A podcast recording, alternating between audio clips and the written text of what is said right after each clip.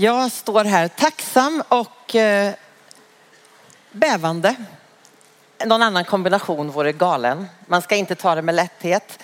Vi är många här, men vi har ett ord att öppna och vi har en bok att läsa som ger liv och det ska vi göra idag. Jag är jättetacksam att få vara här och eh, som, som Mats sa så finns jag till vardags i Uppsala och på Ibra vilket kan betyda att jag kan styra min kosa till platser i Sverige jag inte visste fanns förrän jag började åka och besöka församlingar men också ut i världen och se vad arbetet i missionen innebär. Och det är ett förmånligt och fantastiskt liv att få leva. Kom och följ mig är det övergripande temat och vi ska läsa från Lukas till att börja med. Lukas nionde kapitlet som handlar om efterföljden. Vad är det att bli en Jesu lärjunge? Vad är spesen? Vad är kravspesen? Jesus undervisar och säger om någon vill gå i mina fotspår måste han förneka sig själv varje dag, ta sitt kors och följa mig. Till den som vill rädda sitt liv ska mista det, men den som mister sitt liv för min skull, han ska rädda det. Vad hjälper det en människa om hon vinner hela världen men får betala med att mista sig själv? Den som skäms för mig och mina ord, honom ska människosonen skämmas för när han kommer i sin och sin faders och de heliga änglarnas härlighet. Jesus spesar upp, vad är det? Jag sa kom och följ mig ni har börjat följa. Hur ser det här projektet ut egentligen? Vi kan tala länge om det fantastiska med att följa Jesus och det ska vi göra varje dag i veckan. Varje dag. Kom ihåg vilken glädje det är att få vara ett Guds barn. Att någon, någon som är av evighet kom till just dig och sa kom och följ mig. Som hade en plan, en tanke, en idé. Men det finns en liten affär inblandad som Jesus är inne på här. Någonting måste man släppa. Man kan inte både ha kvar herraväldet över sitt liv och ge det till honom. Det kommer bli en dragkamp som kommer bli jättebökig och slita ner dig. Eh, jag och min man köpte ett hus en gång och vi skrev på ett kontrakt och så skulle det vara en tid fram till att vi skulle få nyckeln och kliva in. Och då var vi, det var liksom lite böket med förra, eh, de som skulle lämna huset och vi som skulle ta över. Vi, vi behövde renovera lite och vi skulle in och det gick, det gick inte riktigt i lås. Och vi, jag gjorde äggmackor och gick på möten och vi skulle komma överens. Du vet sådär. Det var, det, var, det var två ägare med olika viljor och det var en jättebökig tid. Den dagen jag fick nycklarna och vi fick nycklarna, då gick vi och drog i varenda avloppsbrunn och kollade vartenda rör och kände att nu kan vi börja jobba här. Nu är det vårt. Så tror jag Gud känner om du och jag inte orkar följa hela vägen. Om vi inte, om vi inte släpper allt till honom, då får han en sån där superjobbig period och du får en superjobbig period när det ska vara dragkamp hela tiden. Du vet, det är mycket skönare att den som ska äga har nycklarna och får köra hela värmesystemet och alla system och det synkar och huset får må bra. Så är det med ditt och mitt liv. Lämna nycklarna till mig säger han. För han vill inte att du ska leva i dragkampen. För det är ingen ond herre. Det är ingen dålig fastighetsägare till ditt liv som du ger nyckelknippan till. För när han säger, då är jag herre här nu. Då får det kosta på egot. Men du vet, han tar garanti för allting. Det är full garanti. När du tar steg i tro så är det inte din egen styrka och din egen förmåga som ska bära dig. Har han börjat rikta dig i någon riktning så säger han att han är herre. Du får alltid delegera ansvaret uppåt. Det blir ett kompanjonskap, det blir ett förbund, det blir en vandring som kommer leda någonstans. Lämna nycklarna, skriv på överlåtelseavtalet och lämna hela knippan. För om du själv ska rädda, vill du ha några nycklar kvar, lite hänglås på dina egna vrår. Då kanske du mister alltihopa.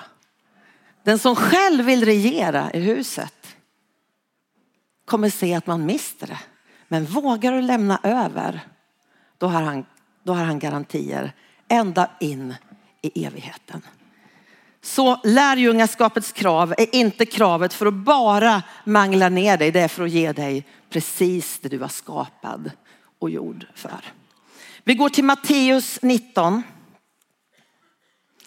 och läser om, möter en person i texten, en ung man som ägde mycket.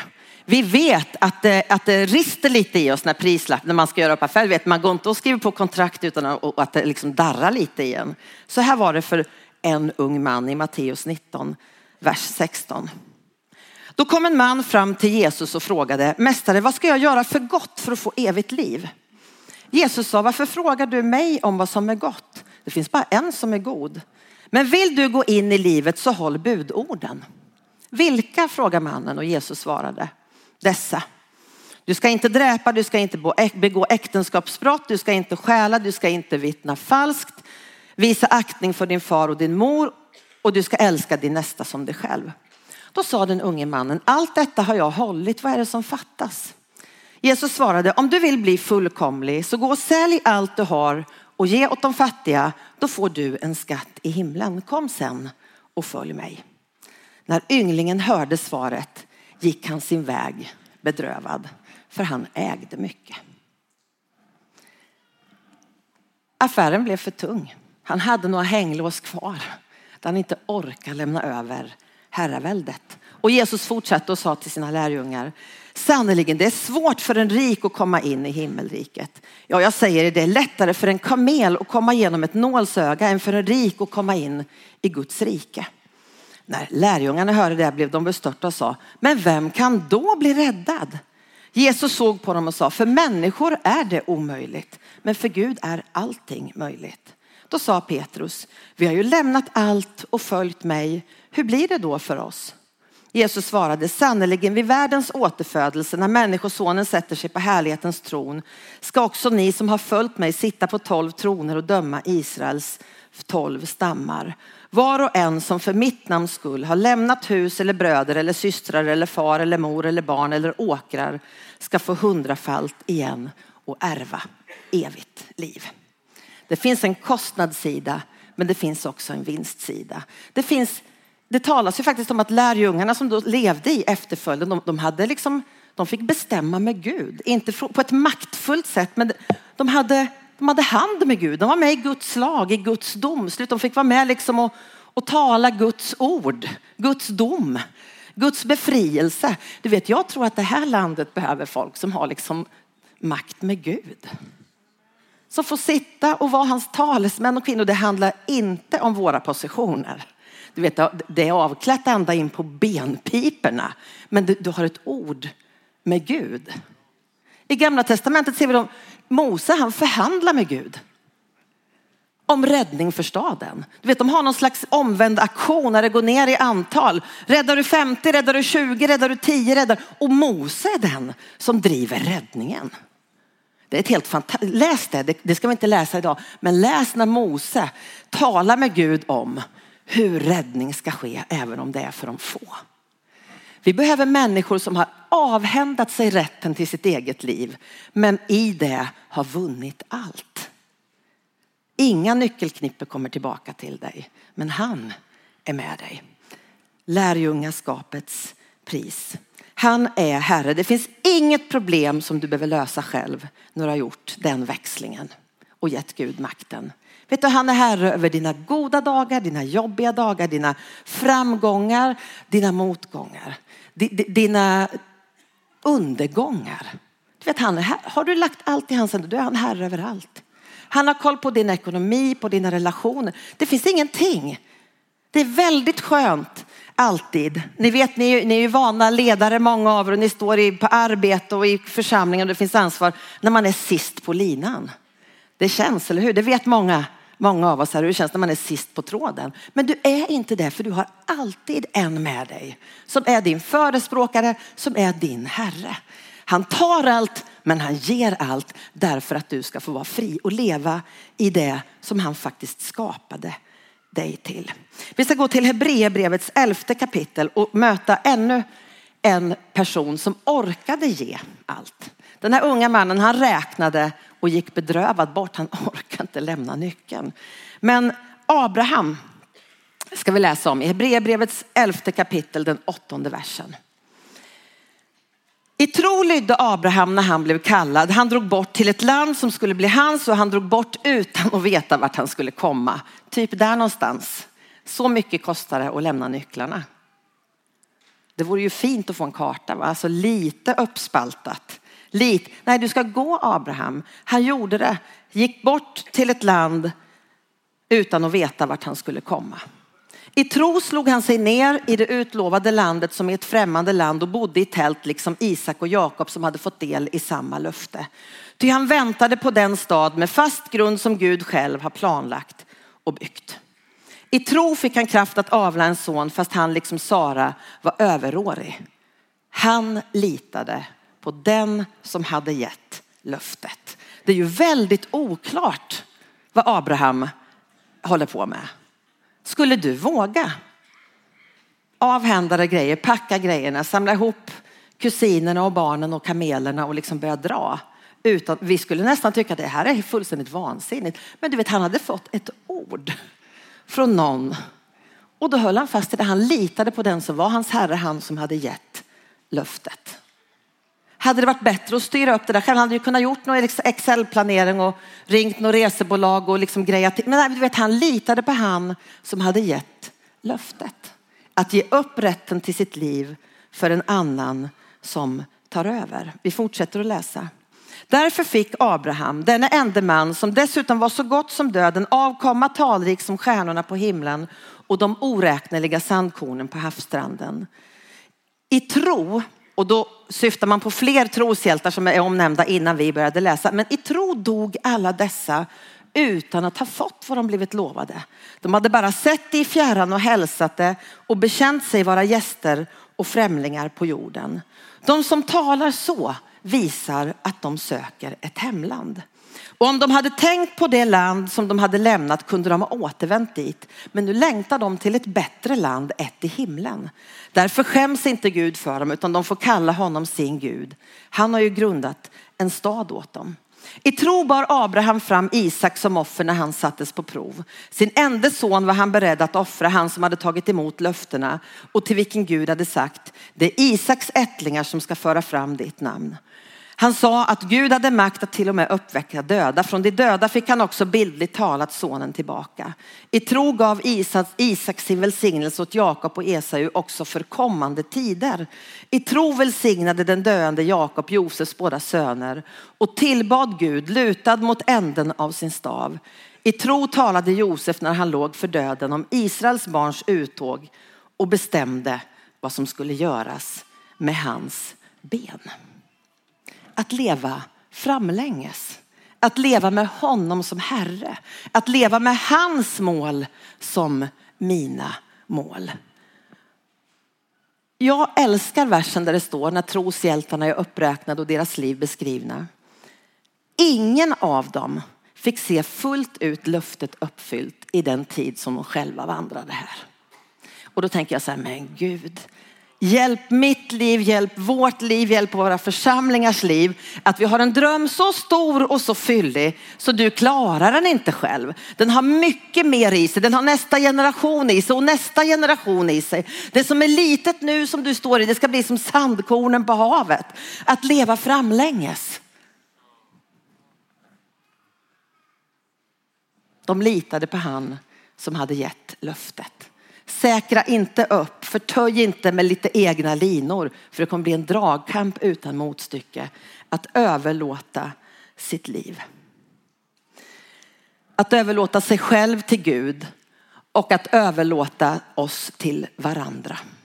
Vi lever inte för oss själva. Har du skaffat dig en stor dröm, har Gud gett dig en stor dröm, så var så säker, han tänker inte att du ska fixa den själv. Han har en plan som heter församling, ett folk som lever tillsammans. Vi ska läsa från Apostlagärningarna 2, att överlåta sig till varandra. Vi läser från vers 42. Och de deltog troget. Det här är ju nu den nya församlingen, som, eller de som har just tagit emot den heliga ande och de döpte 3000 nyligt. De är i expansion och tillväxt. De deltog troget i apostlarnas undervisning, den inbördes hjälpen och i de brödbrytandet och bönerna. Alla människor bävade. Många under och tecken gjordes genom apostlarna.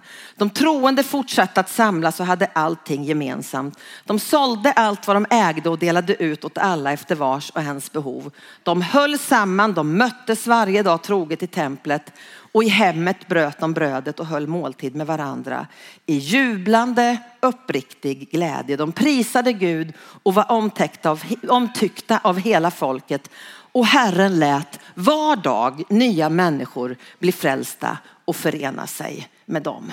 Det här är ett enda stort tillsammansprojekt. Gud har mött dem, de har fått ta emot av Guds kraft och sen gör de sig helt beroende av varandra.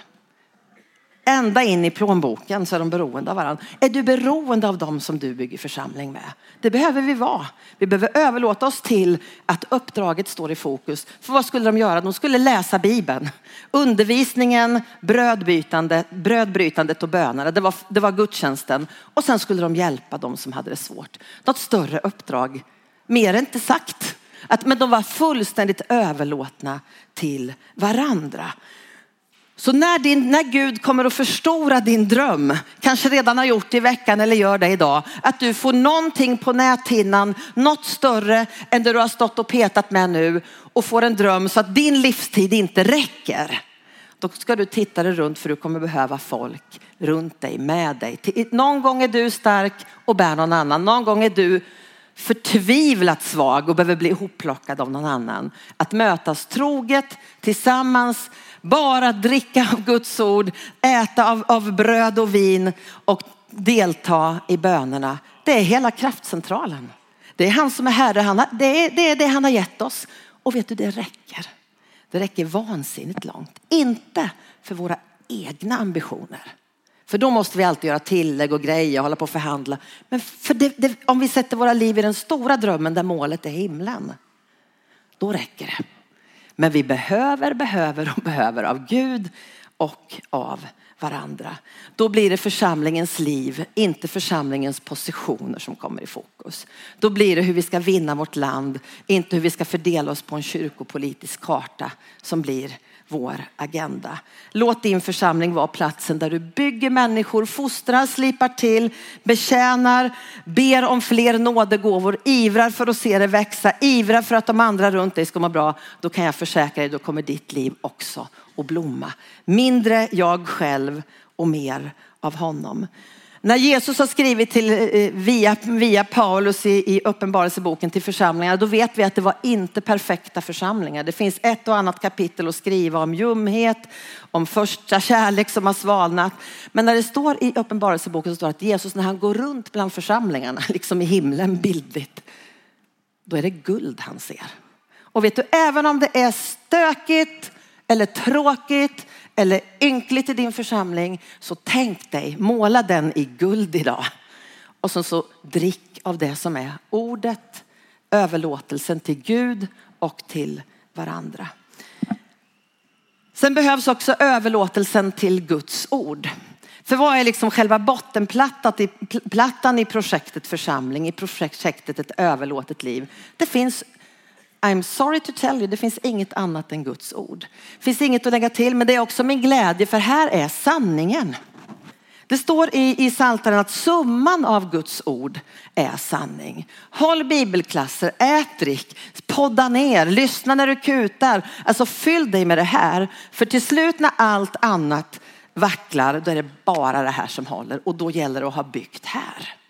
Lägg inte till, dra inte ifrån. Det du inte förstår, ställ mer frågor, läs lite till. Men det här, det är hela grejen. Här är ordet, här är han som är ordet. Ordet fanns hos Gud, det klev hit ner till oss. En dag ska han komma tillbaka. Identifiera dig här så känner du dig hemma också där, där Jesus vill komma.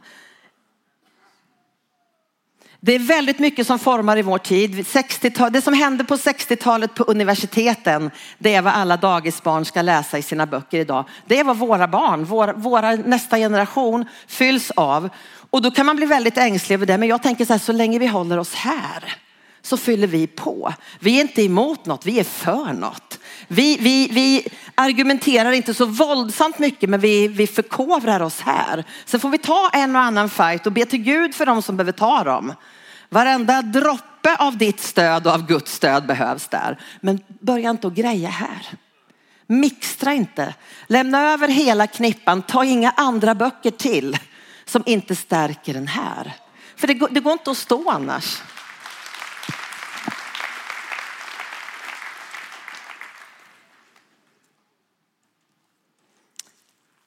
Johannes 17, vers 14. Jesus talar inför sitt, eh, att han ska lämna lärjungarna. Han står inför, inför döden och försoningsuppgiften. Då står det, jag har gett dem ditt ord. Och världen har hatat dem därför att de inte tillhör världen, liksom heller inte jag tillhör världen. Jag ber inte att du ska ta dem ut ur världen, utan att du ska bevara dem för det onda. De tillhör inte världen, liksom inte heller jag tillhör världen. Helga dem genom sanningen, ditt ord är sanning. Liksom du har sänt mig till världen har jag sänt dem till världen. Och för deras skull helgar jag mig till ett offer, för att också de ska helgas genom sanningen. Han har gett oss det dyrbaraste. Ät och drick där. I Ibras arbete så ser vi ju människor komma till tro i de mest märkliga miljöer. Det är inte Nyhemsvecka i alla länder. Det finns många länder där den saknas, där det inte finns någon församling, där det inte finns någon som egentligen tar evangeliet vidare. Och då vet vi att media genom årtionden har varit en väg att liksom luckra upp det där, sända ut det goda ordet. För där det finns ett längtande hjärta och ordet blir förkunnat, på ett sätt som är begripligt. Ett bra språk, ett bra sätt att göra det. Försöka tolka lite kulturlager, det tycker jag man ska göra. Men ibland så bara behövs inte ens det. Du vet, Guds ord är kulturanpassat till människor. Han har lagt ner något här som är mottagande av något som ligger här som bara passar. Men där det finns längtan så tar människor emot. Men hur gör du då med en ung tjej i Somalia som vi vet på olika sätt har kommit till tro? Hur överlever hon i sin tro? För vi vet att tron utmanas. Eh, det är inte bara så här bananskal. Att över, eh, leva ett överlåtet liv kräver ju varandra. Och så är hon ganska själv. Det vi har sett är helt avgörande. Det är att den här boken kommer in i hennes liv. Att hon själv kan läsa, förstå, gräva. Sen tror jag hon behöver eh, dina förböner. Jag tror hon behöver en vikarierande äldstekår någonstans som tar det på allvar att i det här landet ska vi se en församling växa fram. En församling föds ju där människor kommer till tro, då uppstår en församling. Guds ord är det som bär, Guds ord är det som håller både dig och mig och den nyfrälsta tjejen är helt, som är helt ensam med sin tro.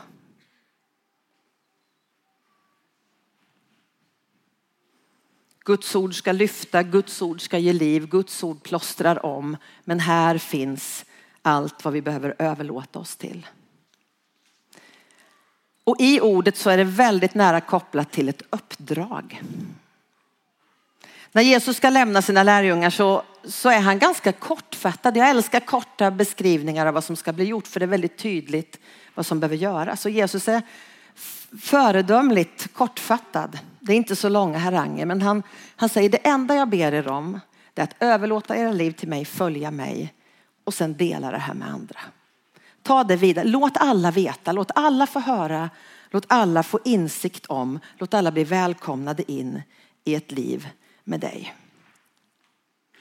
Och utifrån det uppdraget så behöver, behöver vi luttra våra hus och fastigheter och våra liv.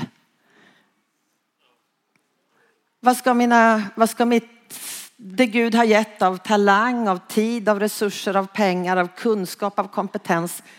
Vad ska vi ha, till vilken nytta ska det vara? I det överlåtna livet. Jag har ju kommit upp i en ålder som man börjar i alla fall att fundera på liksom, hur, hur blir slutsumman av det här?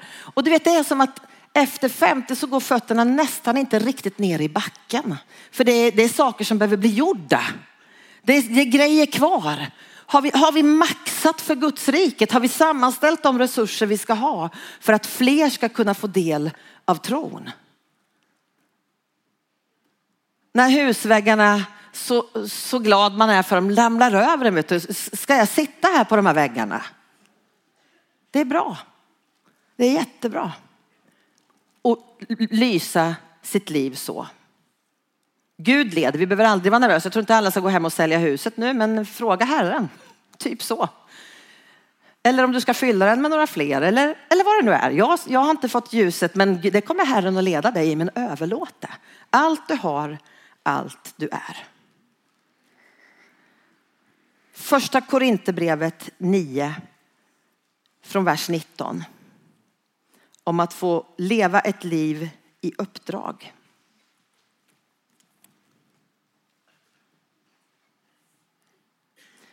Det är Paulus som skriver i första Korinthierbrevet 9. Fri och oberoende av alla har jag alltså gjort mig till allas slav för att vinna så många som möjligt. För att vinna judar har jag för den varit som en jude. För att vinna de som står under lagen har jag för den varit som en som står under lagen fast jag själv inte står under lagen. För att vinna de som är utan lag har jag för dem varit som en som är utan lag fast jag inte är utan Guds lag. Jag har ju Kristi lag. För att vinna de svaga har jag inför dem varit svag. Allt har jag varit inför alla för att åtminstone rädda några. Allt gör jag för evangeliets skull och för att jag ska få del av dess löften. Ni vet ju alla att löparna i en tävling springer men bara en får priset. Löp då för att vinna det. Var och en som tävlar måste försaka allt. Löparen gör det för en krans som vissnar, vi för en som aldrig vissnar. Jag har målet i sikte när jag löper och jag slår inte i luften när jag boxas. Jag går hårt åt min kropp och tvingar den till lydnad för jag vill inte predika för andra och själv komma till korta. Så beskriver Paulus det överlåtna livet. Ett liv på väg, ett liv med mål, med fokus och han gör allt han kan. Resultatet är Guds. Han talar inte om för Gud hur många han ska vinna, men jag gör allt det här för jag skulle åtminstone vilja vinna några. För du vet, insatsen är vår, överlåtelsen är vår, men resultatet, det är 100% Guds. För det är han som är här. Så du behöver inte ha kramp, du behöver inte prestera. Har, du, har någon döpt fler än din församling i år? Vi önskar att alla döpte fler. Vi behöver inte ha kramp. För har vi haft målet i sikte, inte slagit i luften när vi har boxats, inte slarvat när vi har predikat, in, inte gjort det halvhjärtat utan gjort, då är ansvaret helt och hållet Guds. Hur stor frukten blir. Det kan vi slappna av i. Men Gud vill tillväxt. Och så, så ser det verkligen ofta ut. Du vet när vi, när vi mister allt, då vinner vi allt. För hans rike. Och resultatet för våra liv, den, den årsredovisningen, den kommer på andra sidan. Det är där det mäts. Och om du vann en eller många, det tror jag inte Gud bryr sig om heller. Men att du gjorde allt du hade. Gav det han hade gett dig. Och jag ser, jag har verkligen förmånen att få jobba med unga människor och jag ser att de kan. Alltså vilka, den här hallen, och våra möten och överallt där vi rör mig. Jag börjar se så mycket intelligenta, smarta, duktiga, talangfulla, drivna, mediakunniga, eh, duktiga. Jag ser min egen tonårstid och tänker så här, men vad höll jag på med? Och jag var här och prisade Gud också, men jag tänker att det, det, det är sånt målfokus idag. Och vet du, vi lever i en tid när även de som inte har förstått att Jesus är värd att överlåta sig till, de börjar helga sig redan. Jag är helt fascinerad av vår tid. Mina barn de handlar kläder på second hand för de tänker på planeten och det gör alla deras kompisar. Vegobiffarna ligger i frysen. Och, och, det gör också alla deras goda vänner. Alltså, man längtar efter en ny himmel och en ny jord typ. Fast man inte vet att det är Jesus man längtar efter i hela vägen. Men du vet, det, är, det, det, det väcker liksom bara möjlighetstanken i mig. Vi lever ju i en tid när det vi har fått är det alla ropar efter. Vi vet att Bibeln är utmanad, vi vet att det reser sig mot Men du vet, hör på det andra ropet också. Vi vill inte samla pengar på banken. Vi vill inte leva för att maxa vinster. Vi vill inte, vi är villiga att försaka in på tallriken grejer för vi längtar efter något mer. Det säger en ung generation idag. Hör det ropet. Överlåt ditt liv. Överlåt dig till dem. Och jag eh, ser ju, jag har ett bökigt jobb för jag ser massa behov hela dagarna. Eh, för ja, nu behövs det radiogrejer i Västafrika och så. Och vi skulle kunna ha hundra mediakunniga i Turkiet. För nu, och, man bara, och jag älskar ju det här va. Men det, man får ju alltid, det är lite som att vara tacoansvarig på Nyhem tror jag. Men vi skulle behöva ha fyra till hela tiden. Men du vet, jag tror och litar på Gud så mycket att har han bett oss att gå till hela världen det finns 2,7 miljarder människor som inte haft en rimlig chans att få höra att de är älskade av den evige. Om det är så och Gud är i kontroll, han har sagt, jag ordnar vart ni ska och hur det ska gå till. Målet är satt. Då tänker jag, då har han när han skapade och formade dem som vi är och de som, ska, de som ännu inte har kommit till tro får vi börja räkna in också. Vi ber ju för lite kanalchefer och grejer. Så att, för du vet, Gud kommer behöva sina resurser. Och så, sam, och så samlas de och så plötsligt bara så möter man också människor. Jo men nu har jag ett nätverk öppet där vi har känningar in mot länder som är helt stängda. Och så är det jätteöppningar. Och tänker jag, men det är ju fantastiskt. Vi verkar liksom vara lite smått i synk här. Behoven och resurserna. Gud tänk, och det Gud la ner när han skapade dig och mig. Det är exakt det han vill ha tag på när vi överlåter oss. Vi ska läsa ifrån Jeremias första kapitel och den femte versen. För Gud har ju tänkt redan från början på hela bygget. Han säger till, till Jeremia när han blir kallad i Jeremias första kapitel femte vers. Innan jag formade dig i moderlivet utvalde jag dig. Innan du kom ut ur moderskötet gav jag dig ett heligt uppdrag att vara profet för folken. Du vet, det finns inte en kotte som Gud inte tänkte när han komponerade för. För någonting i hans rike som han behöver dig till.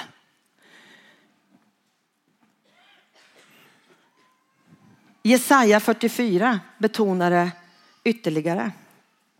Jesaja 44 och 2. Så säger Herren din skapare, han som formade dig i moderlivet, han som hjälper dig.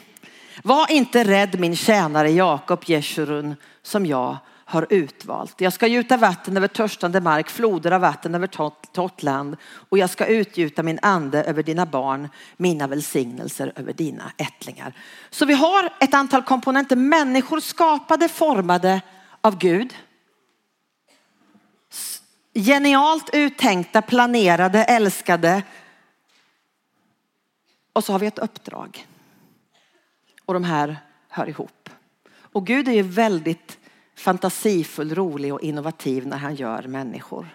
Och han verkar ha en fantastisk spridningsförmåga så att av samma mor och far så kan det komma ut två helt olika barn med helt olika gåvor och så får de del av Guds ande, den ande som hjälper dig så som du är skapad. Vi behöver liksom inte byta skapnad, utan vi blir mer av, vi kommer hem till vår skapnad när vi överlåter oss till Jesus. Sänk axlarna, du behöver liksom inte mejsla så väldigt på grundmaterien. Sen får vi kämpa lite med livet och frestelserna och, och den gamla Adam och allt det där. Men alltså grundtonen. Så jag tänker så här, när Guds ande kommer över vars och ens liv, vilket han vill göra och gör, Guds ande som hjälper dig att vara det du är skapad till. Det är som en gånggång. Det bara slår till i hela systemet. Och så behövs din språkförmåga, ditt intresse, din talang, IT-kunskapen. vet, vi har folk på Ibra. De, de ser aldrig ljuset. De sitter och skruvar och programmerar och grejer och de behövs. De är skapade med någonting, ett, ett friläge som är så långt ifrån mitt eget så jag tänker så här, tack gode Gud att de sitter där och grejar. Men de är skapade för och han som hjälper dig och mig gör att det som behövs för att riket ska bli förkunnat till alla kan bli förkunnat. Vi bad i, i onsdagskväll för kreatörerna. Jag tror att det är kreatörernas tid. Vi lever i en otroligt kommunikativ tid. Var finns eh, målarna, sångarna som tar Jesus till den här världen? Vet, det är en sån kommunikationshemlighet. Så jag, jag, brukar titta över axeln ibland vad mina barn kollar på. Då finns det ett, eh, jag vet inte om man får säga det så här, men det finns i alla fall en eh, kanal. De heter Jockiboi och Jonna och jag tänker så här, men varför tittar ni på det här? Tusentals, 800 000 typ kollar på det och det är säkert kul på något sätt. Men jag tänker så här, vart är vi på den plattformen? Vem är där och ger ord av liv? Förpacka det på ett kulturellt sätt så det går rakt in. Om du behöver tatu- whatever, gör vad, du, gör vad du behöver. Jag sa det nästan Daniel. Gör det. Men berätta om han som är värd att överlåta sitt liv till. Gör det på ett sätt så folk fattar. För du vet det finns en längtan och en hunger i den här världen som behöver precis det du själv har överlåtit det till. Som får komma hem till sin skapare och så går gånggången och så får vi komma ut i tjänst fyllda av han som hjälper dig. Där ska vi sätta ögonen. Där ska vi sätta fokus, där ska vi lägga pengarna, där ska du lägga kraften. Fika med kreatörerna, du vet man blir lycklig varje gång. Och det behövs andra, jag har vänner födda i Småland som Gud kallade tidigt och har lärt språk som typ 10 miljoner människor talar och som lägger sitt liv för det. För att översätta Guds ord, för att ta det här ordet. Och den skruven drogs i i skapelseögonblicket. Vilken skruv drog han i på dig som han bara ska frigöra idag. Låt gång gången gå så du får göra det han har kallat dig till. Härma ingen annan, imitera ingen, håll inte tillbaka. Gör det han har lagt i dig. För det finns inget som talar emot dig. Om han skapade, drev ner i din sammansättning och sen ger av sin ande. Kom igen. Vi ska läsa om en generationsväxling till, till sist. Eh, I ehm, andra kungaboken. Då ser vi ett, eh, en andlig ledare, profeten Elisa. Han har som en klok ledare samlat ett gäng runt sig. Han är inte en ensam seglare utan han har startat en profetskola och driver upp en ny generation. Och vi ska hälsa på i profetskolan i andra kungaboken 2 kapitel 6. Profeterna, alltså kidsen, ungdomarna som han hade runt sig, sa till Elisa, huset där vi samlas omkring dig är för trångt för oss. Låt oss gå ner till jorden och hämta varsin stock och bygga oss ett hus där vi kan vara. Så samtalade man i lärjungaskolan. Då är frågan, vad händer i profeten nu?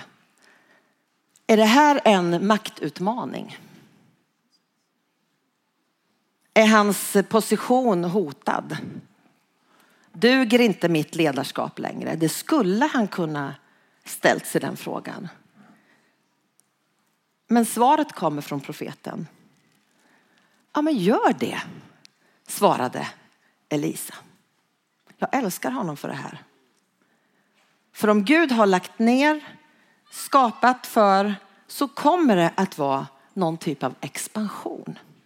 För om det inte är det, då blir det förvaltning och tillbakadragande. Lås inte fast systemen för hårt.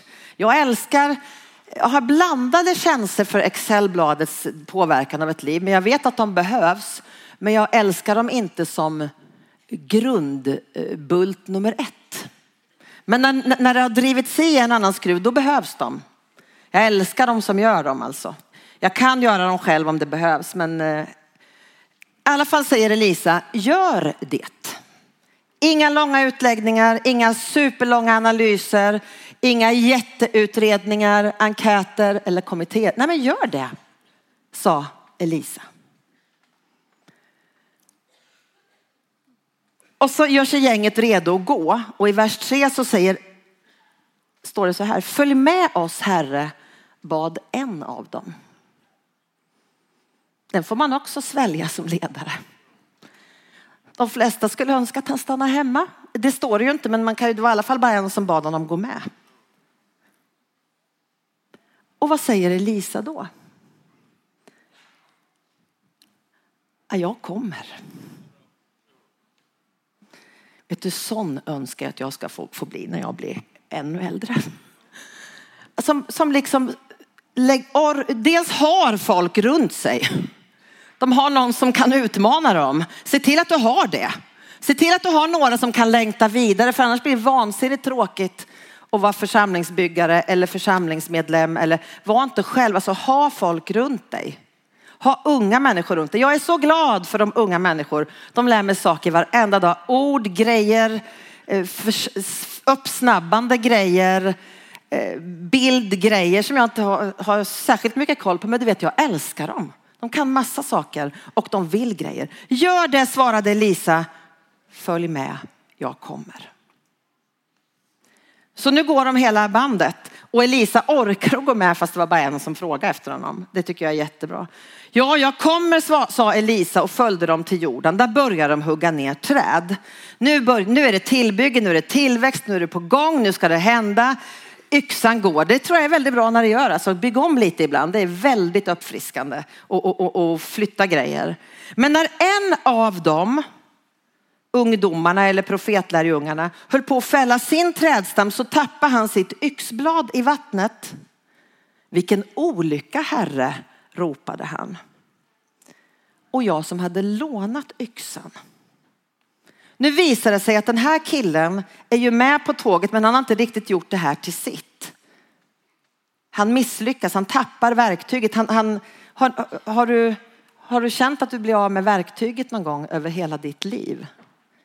Och då slipper det ur honom. Men den var ju, den var ju inte min. Jag hade inte, jag hade inte överlåtit mig. Jag hade ingen eget verktyg. Jag hade hängt på lite i gruppen. Jag hade lånat lite. Jag liksom gjorde lite som alla andra. Men när det misslyckas så faller den ner och är borta. Och då säger jag, men det var inte min. Jag hade inte ett eget överlåtet liv. Jag hade inte fått en egen yxa. Och då är jag så glad att det fanns en Elisa där som tog sig tiden och visade honom överlåtelse till, en eget, till ett eget redskap och en egen tjänst och en egen trädstam och fälla. Men det är ju helt katastrof. Han är ju tomhänt. Han, han står i skuld till någon annans vision eller yxa. Och sen har det gått helt fel. Då sätter sig Elisa där och så visar han hur man täljer fram en pinne. Och vad ska han i all sin dag ha den till? När han ska få upp en yxa från gyttjan på sjöns botten. Men någonting visar Elisa, denne unge man, som handlar om överlåtelse. Någonting centralt. Han täljer en pinne, säger texten. Elisa frågar, vers 6, vi läser till. Var föll den i? frågar gudsmannen och han pekade ut stället. Då skar Elisa till en pinne och kastade i den just där och fick så yxbladet att flyta upp.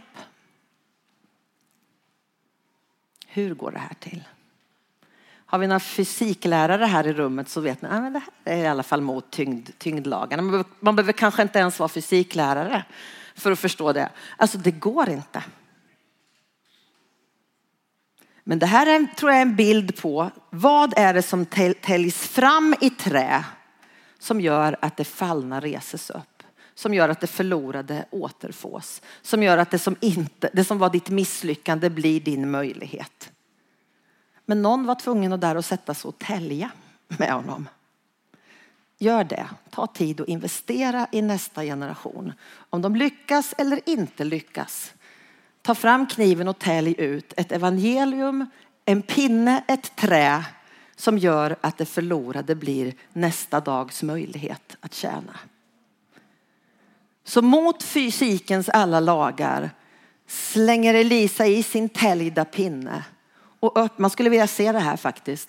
Hur ser det ut när en yxa flyter upp? Men det hände. Det är det som är omvändelsens under, det är det som är överlåtelsens hemlighet, det är det som är livets mening. Det är det du ska ge dig till.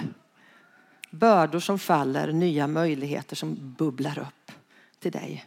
Men det behövs en Elisa som investerar i nästa generation. Var det du också. Vi behöver ett ledarskap som orkar se längre än sitt nu som orkar se längre än att vinna en debatt, som orkar se längre än att rädda sitt revir, som orkar att se längre än att skydda sin eller någon närståendes rygg. Ett ledarskap som orkar att gå med, som orkar skita ner sig en gång till, som orkar säga att jag kommer när ni ska ut. Vet, man kan vara rätt mör i kroppen om man har hållit på haft profetskola. Men gå med, fäll några trädstammar till, lär någon att fälla, upprätta någon till tjänst. Och du kommer få ett liv som är så mycket mer meningsfullt, så mycket roligare. Du kommer ha hand med Gud och med framtiden. Så när du checkar ut, då kommer det fortsätta för du har investerat någonting om det allra viktigaste. Det som av trä gör att en hel värld har fått räddning. Mejsla ut det, tälj fram det i någon mer nära dig. Ett ledarskap som orkar bekänna, orkar börja om, orkar inte att, att alla inte önskar att de ska gå med. Men ändå gå med lite snyggt bakifrån och bära och hålla. Om någon ber dig gå med, gör det. Om någon tappar yxan, berätta om evangelium en gång till. Och så sätter du dig i händerna på dem och så säger du, ta den, nu är det dags för dig och tjäna. Jag tror inte vi ska förnya våra församlingar med 40-åringar. Jag tror vi ska göra det med långt yngre förmågor också. Ingen som överlåter sitt liv till Herren, till Gud, till hans ord, till hans församling och till en framtid kommer att gå dö besviken. Det tror jag faktiskt inte.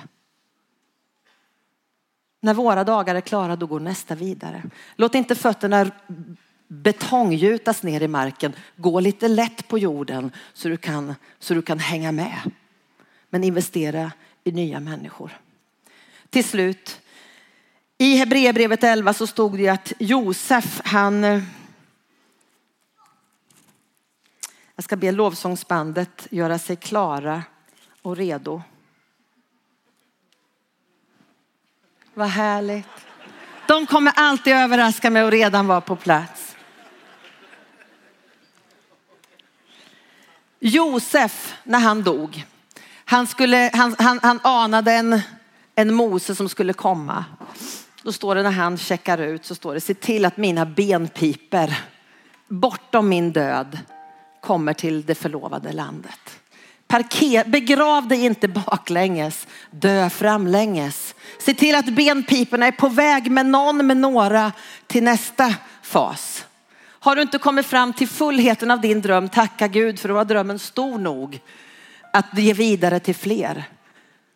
Lägg mina benpipor i löfteslandet längre fram. Så här står det i första Mosebok sista kapitel 22 vers. Josef bodde kvar i Egypten tillsammans med sin släkt och han levde i 110 år. På Efraims sida fick han se barn i tredje led och barn till Manasses son Makir kunde han uppta som sina. Josef sa till sina fränder, jag ska snart dö, men Gud kommer att ta sig an er och föra er till det land som han med ed har lovat Abraham, Isak och Jakob. Sen tog han en ed av Israels ättlingar och sa, Gud kommer att ta sig an er och då ska ni föra mina ben här ifrån. Så dog Josef i en ålder av 110 år och han blev balsamerad och lagd i en kista i Egypten.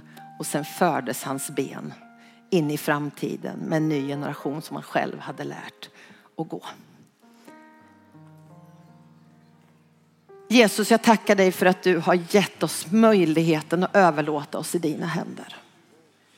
Tack att det finns ett kors som restes, ett blod som rann, en sten som rullades undan, en död som du triumferade över.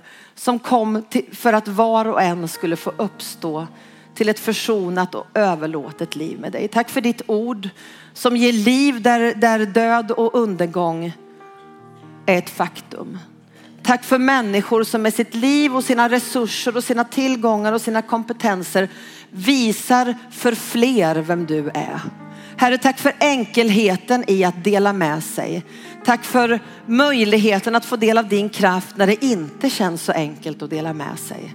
Herre, tack för att vi när vi mister vårt liv vinner alltihopa.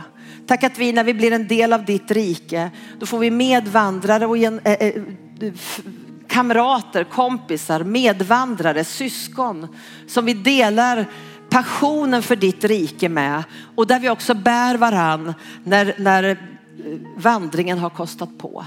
Herre, jag tackar dig för nya generationer som växer upp, för varje människa du formar och skapar. De som tillhör dig idag och de som ännu inte tillhör dig.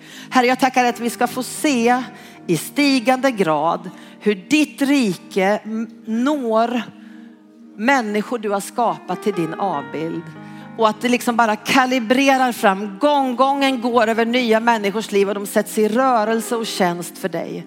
Tack för helig ande som alltid tar, får oss att tala om dina stora gärningar. Fyll oss med den Herre, jag ber. Herre, när priset känns högt att betala, när det verkligen tar emot, när vi inventerar det vi själva har åstadkommit, har och nästan inte kan ge oss till dig, var med oss då också. Så vi knuffa våra liv framlänges. Så att vi som Abraham orkar ta löftet i hand och börja gå. Så att vi som Josef lever ett liv som har, har återverkan i generationer som kommer på, i länder, platser som vi ännu inte har kommit till. Tack att vi alla ska få komma till sitt löftesland. Den plan och den tanke som du drev ner när du skapade.